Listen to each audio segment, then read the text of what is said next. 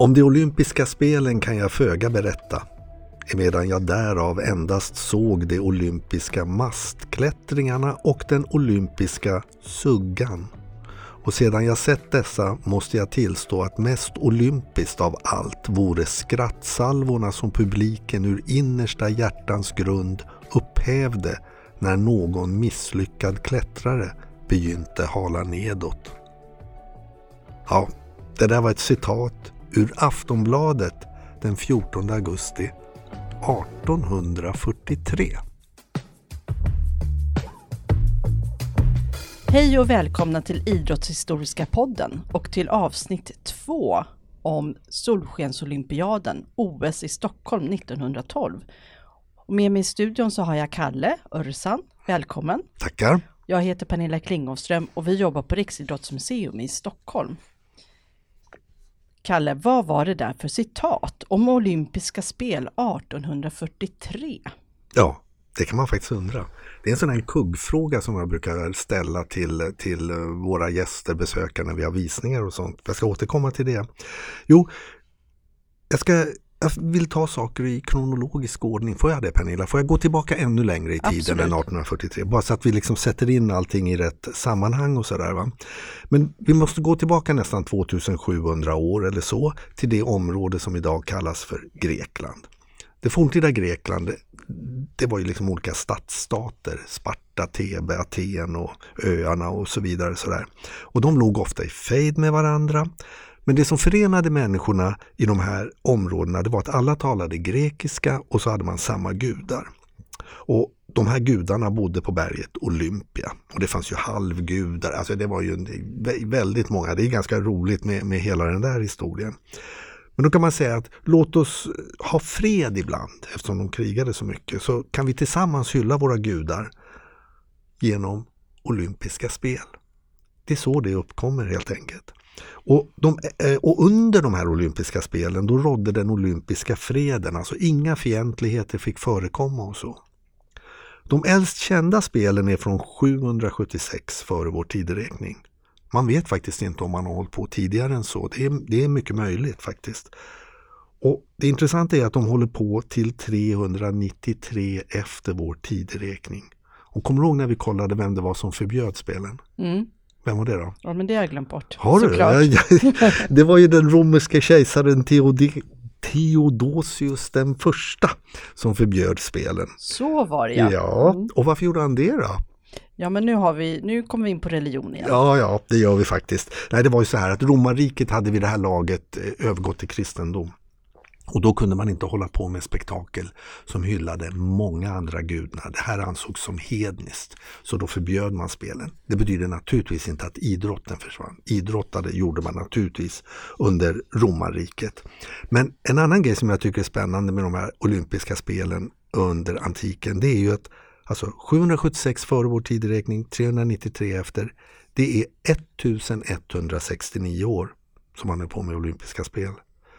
Och för att få perspektiv på det så skulle man kunna säga så här att om vi skulle titta på de moderna olympiska spelen när de började 1896 och gå 1169 år framåt i tiden så hamnar vi på 3186. Tror du att olympiska spelen, de moderna, kommer att hålla på tills år 3186?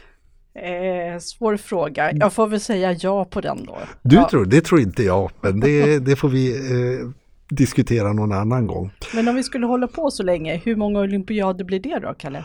Ja, alltså egentligen, jag vill inte rätta dig här, men jag får göra det då. Så här är det. Olympiad är egentligen ett tidsbegrepp mellan två olympiska spel på fyra år. Det är alltså, eh, kommer från forngrekiskan, eh, det här begreppet. Så att man höll olympiska spel en dag, en vecka eller vad det nu kunde vara. Och sen inföll en olympiad som pågick i fyra år. Och sen kom nästa olympiska spel. Olympiad, olympiska spel. Idag använder vi ju begreppen synonymt. Vi säger ju Stockholmsolympiaden fast det, alltså det rätta är olympiska spelen.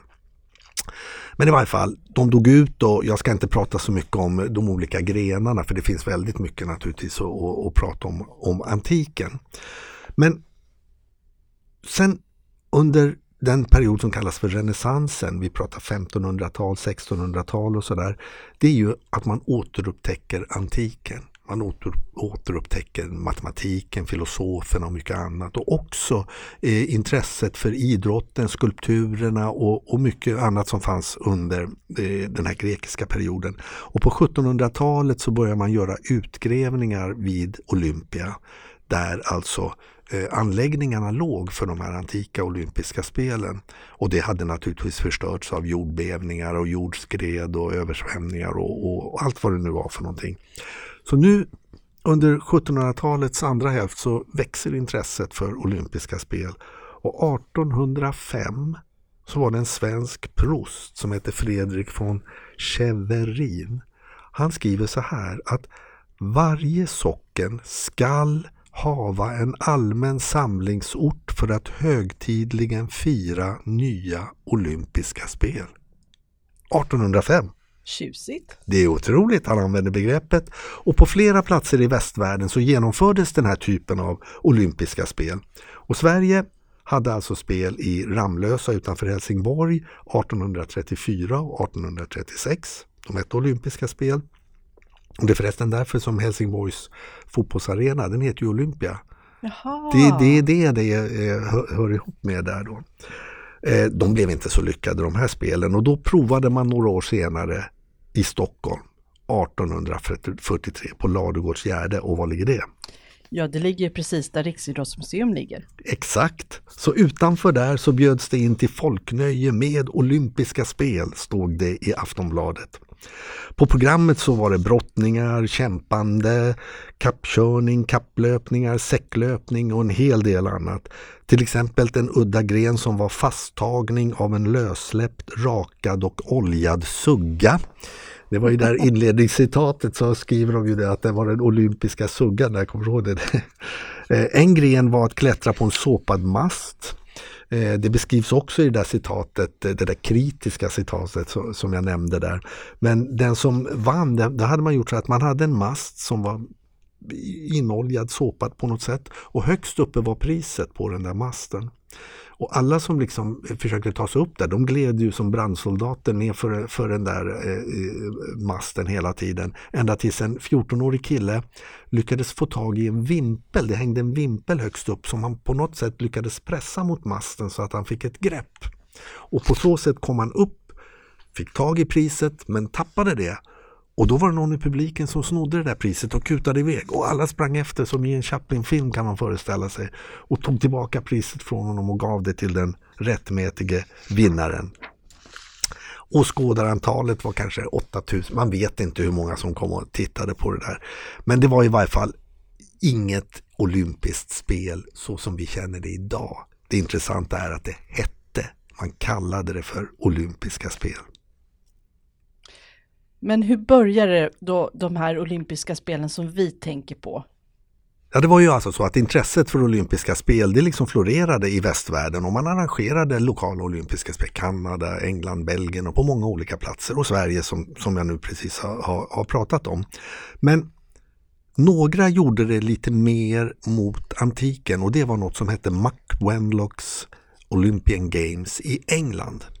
Det började man med 1850 och då hade man liksom tagit efter vad som hände under antiken så, mycket man, så långt man visste om det då. Man hade till exempel medaljer som delades ut, man fick lagerkransar och man hade mycket ceremonier runt som liksom skulle påminna om antiken.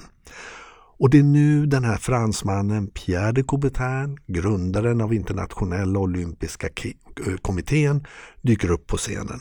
Han var ju väldigt förmögen och han kunde resa land och rike runt och han var intresserad av antiken och idrott och så vidare.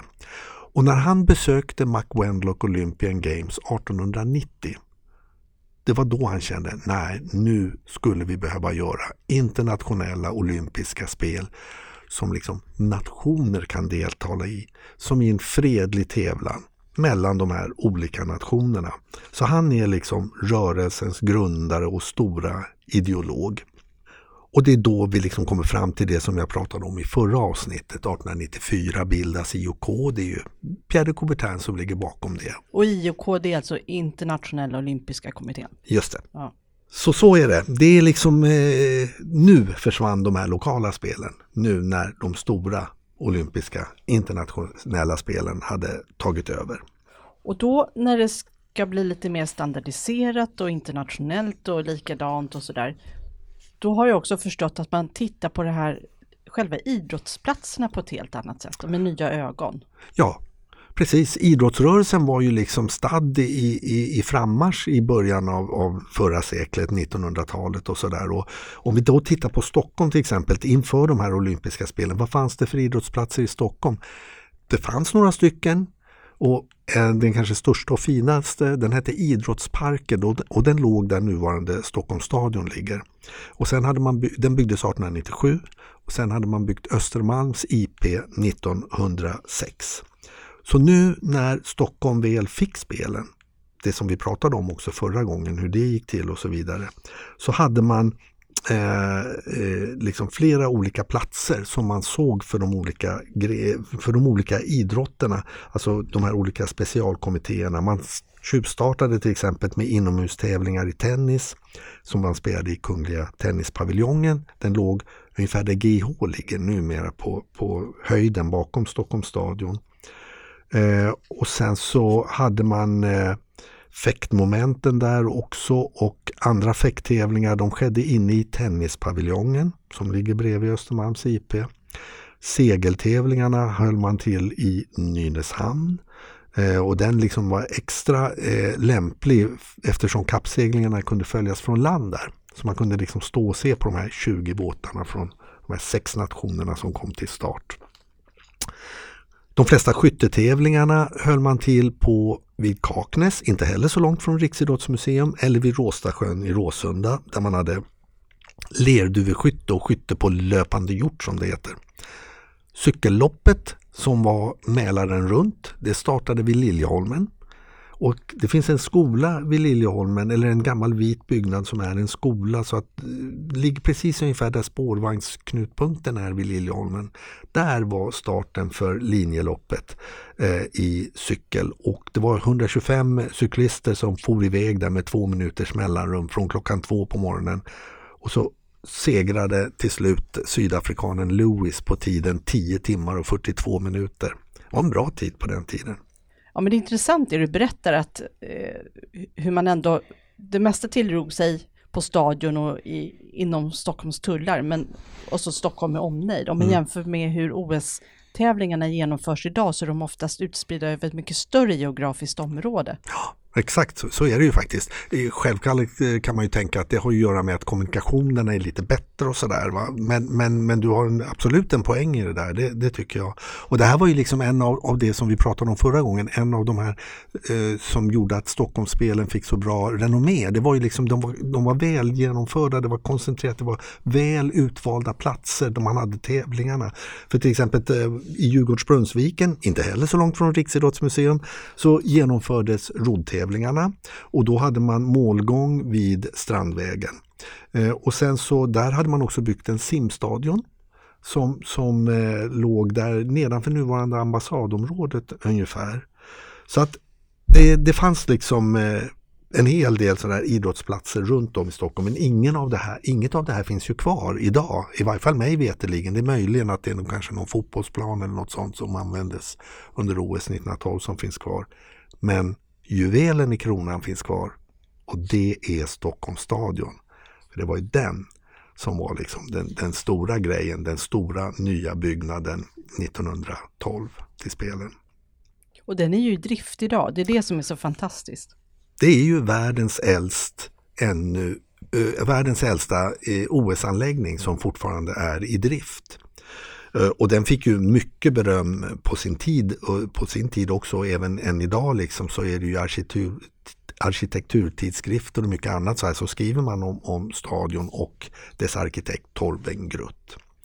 Får jag berätta lite om honom? Ja, gör det. Ja, så han, han var en av sin tids ledande arkitekter och i början av 1900-talet så hade han gjort sig känd som flitig debattör i tidskriften Arkitektur och dekorativ konst. Han var också redaktör där. Och han var liksom en av förespråkarna för nationalromantiken i svensk arkitektur. Och 1906 till exempel hade han fått uppdraget att rita Soliden på Öland eh, till eh, kronprinsessan Victoria. Alltså den dåvarande kronprinsessan ja, Victoria. Exakt, ja men precis, precis. Men alltså liksom, så han var ju absolut en erkänd eh, arkitekt. Men han var också en mycket skicklig idrottsman. Och han hade också ritat idrottsanläggningar. Han hade till exempel ritat tennispaviljonger i Bremen och i Paris. Och i Sverige så var det han som låg bakom Östermalms IP från 1906. Och så var han själv då som sagt en, en mycket duktig tennisspelare. Och han kände Viktor Balk och kanske många andra i de här kretsarna när Sverige nu skulle få arrangera OS.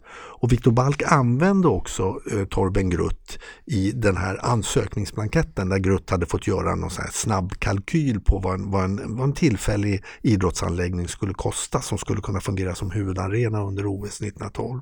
Men då var det alltså en tillfällig arena som man tänkte skulle rivas efter spelen? Just precis, så var det. Och det kan man se sen när Sverige väl fick spelen så var det fortfarande så att den skulle vara tillfällig. Eh, och man kan se det på Grutts ritningar hur han håller på. Det. De ska vara, delar skulle vara i tre och delar skulle vara på annat sätt och så skulle man ja, på något sätt göra det här. Och man beslöt sig till slut efter vissa, vissa liksom man letade efter lämpliga platser men till slut så beslöt man sig för att riva eh, idrottsparken, den här anläggningen från 1800 1996 eh, och där byggdes då eh, det nya Stockholmsstadion. Och nu är vi framme i sent 1910 ungefär och då hade man också beslutat att det skulle bli en permanent anläggning som inte skulle byggas i trä utan i sten. Och det här gladde ju naturligtvis Grutt oerhört mycket. Men det satte en del liksom huvudbry för, för arrangörerna eftersom man förstod att anläggningen kommer att kosta väldigt mycket mer. Hur ska man finansiera det? Och då vände man sig helt enkelt till regeringen inte till riksdagen utan man bad om att få anordna statliga lotterier, så kallade idrottslotterier. Och riksdagen de hade ställt sig kritiska och inte godkänt några sådana dragningar men regeringen godkände det. Så på det sättet kunde det här finansieras. Men arrangörerna fick komma flera gånger till eh, statsminister Arvid Lindman hette han. Och han, Lindman skriver i sin dagbok till exempel, när, undrar när de kommer nästa gång. Så där, ungefär. Men till slut så, så fick man även regeringen lite kalla fötter. För att man såg att pengarna drog iväg och det var framförallt stadion som kostade.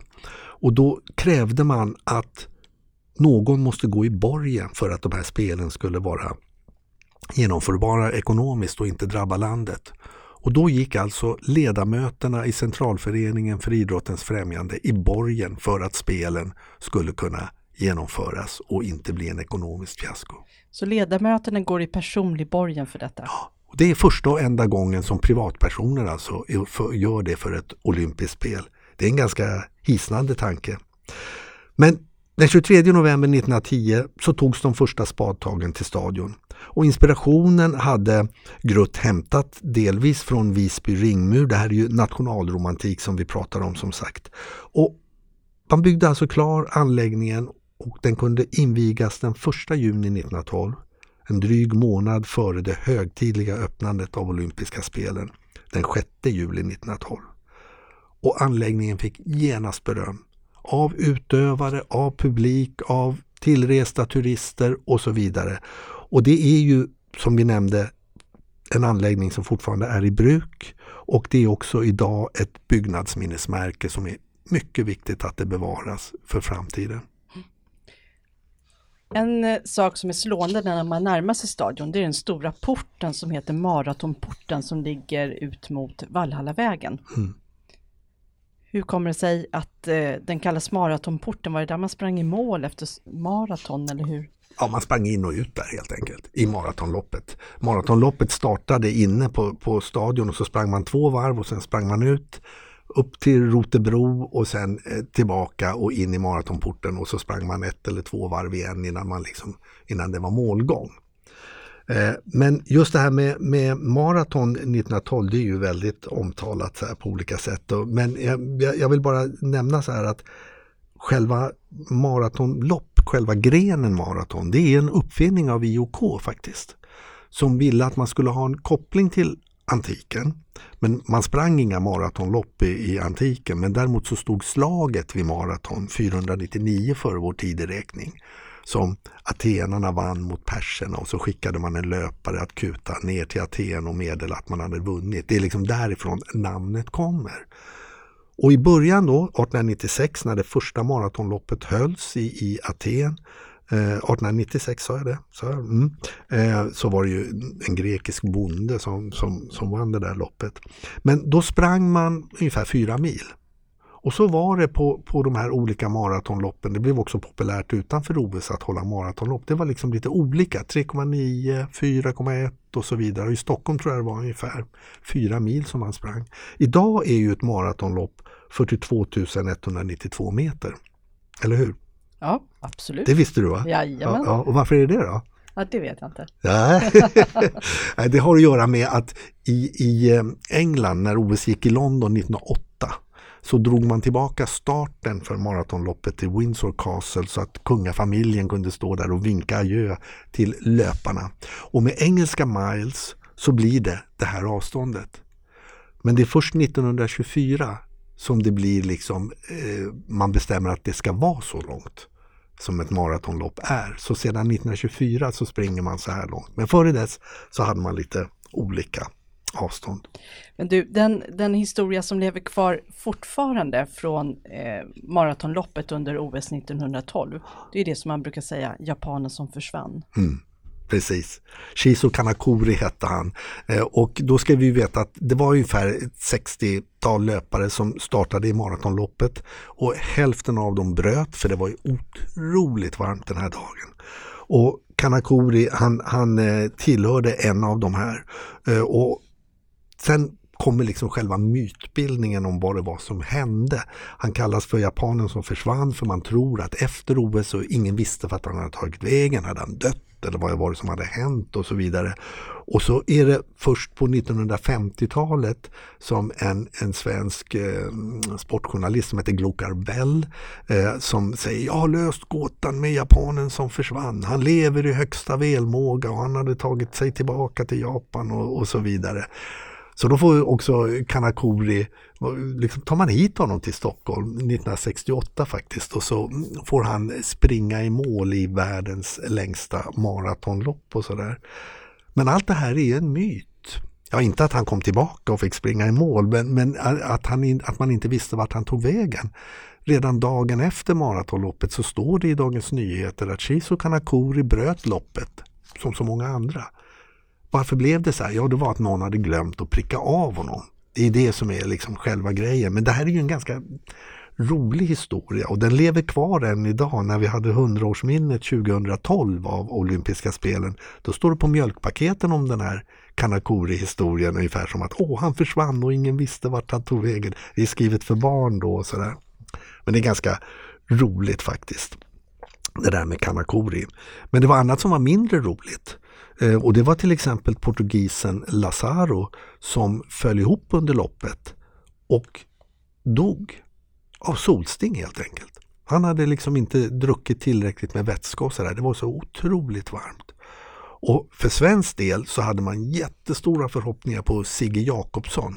Sigge Jakobsson han var den stora löparen, en liten kille och sådär han, han hade tränat inför det här maratonloppet och sprungit på Tanto sockerbruks vind på torrvinden där för att det skulle vara varmt. Liksom. Man skulle känna hur det var. Kan du se, föreställa dig att kuta fram och tillbaka. Det kan ju inte ha varit mer än 100 meter fram och tillbaka. Nej, så Det måste ha blivit några varv där på torkevinden. Ja, eller hur. Eh, men eh, Sigge, han var, liksom, han var peppad inför det här loppet och han slutförde det också. Men han gjorde det där kardinalsfelet att han hade nya skor. Aj, aj, aj, aj. Och då fick han skoskav och han kom in som sjätte man det var en sydafrikan som hette MacArthur som vann. Men det var ju jättebra att komma sexa.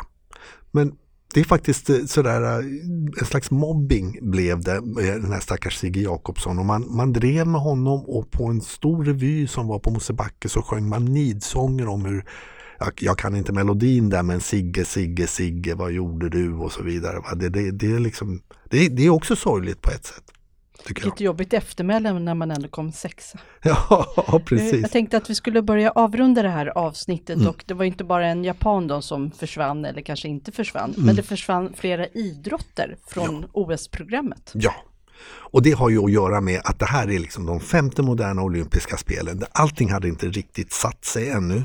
Men det är klart att idrotter kommer och går, det försvinner ju fortfarande men, men, men det är väl mera idrotter som kommer till. Men, men till exempel eh, i dragkamp, det, det har man inte längre. Det, men det hade man alltså 1912. Det var sista gången man hade dragkamp. Där var det final direkt för det var bara två lag som ställde upp. Stockholmspolisen mot London Bobbys och, och Stockholmspolisen vann. Och det sägs att eh, London Bobbys var ju väldigt upprörda för att man liksom tävlade på fel underlag och engelsmännen var vana vid att, att tävla på det och så vidare. Men det vann de. Och sen i kastgrenarna, och det här är spännande, spjut, diskus och kula, så tävlade man inte bara i bästa hand utan i både höger och vänster hand. Det betyder alltså att man kastade iväg spjutet med höger hand, säg arm, hand. Och sen så mätte man hur långt det var. Sen kastade man med vänster hand och så slog man samman de här avstånden. Och så fick man fram vinnare. Det är första och enda gången som man hade det här bästa hand, eller vad säger jag, eh, bägge händerna liksom som man kastade med. Men varför gjorde man det? Varför kastade man med med bägge händerna? Ja, det, ju, det, har att göra med att det var svenskarna som drev igenom det här och det har egentligen att göra med linggymnastiken som ju var väldigt, väldigt stark vid den här tiden. Och linggymnasterna de var egentligen emot tävlingsidrott och tyckte att varje tävlingsmoment måste ske genom en allsidig träning av kroppen. Och alltså ska man kasta med bägge händerna som man kastar både från höger och från vänster. Så det kan man säga att det var de som lyckades driva igenom det där. En annan gren som, som, som har försvunnit det var stående längdhopp och stående höjdhopp. Det var greken Konstantin Tsikliritas, han segrade i längdhopp på 3.37, stående längdhopp. Det är alltså utan ansats? Utan ansats. Eh, vi har ju det på Riksidrottsmuseum upplagt i golvet så man kan se hur långt det där är. Det är, ju, det är få som klarar av att, att, att hoppa så långt. I stående höjdhopp, det är också utan ansats, man står bredvid ribban och så liksom saxar man över. Då var det en amerikan som hette Platt Adams som vann på 1,63. Och sen hade man naturligtvis en massa andra uppvisningsgrenar och, och, och sånt där. Och, och, och det liksom gotlänningarna demonstrerade till exempel perk, men det fick aldrig något genomslag. Och man hade isländsk brottning i glima och sådär.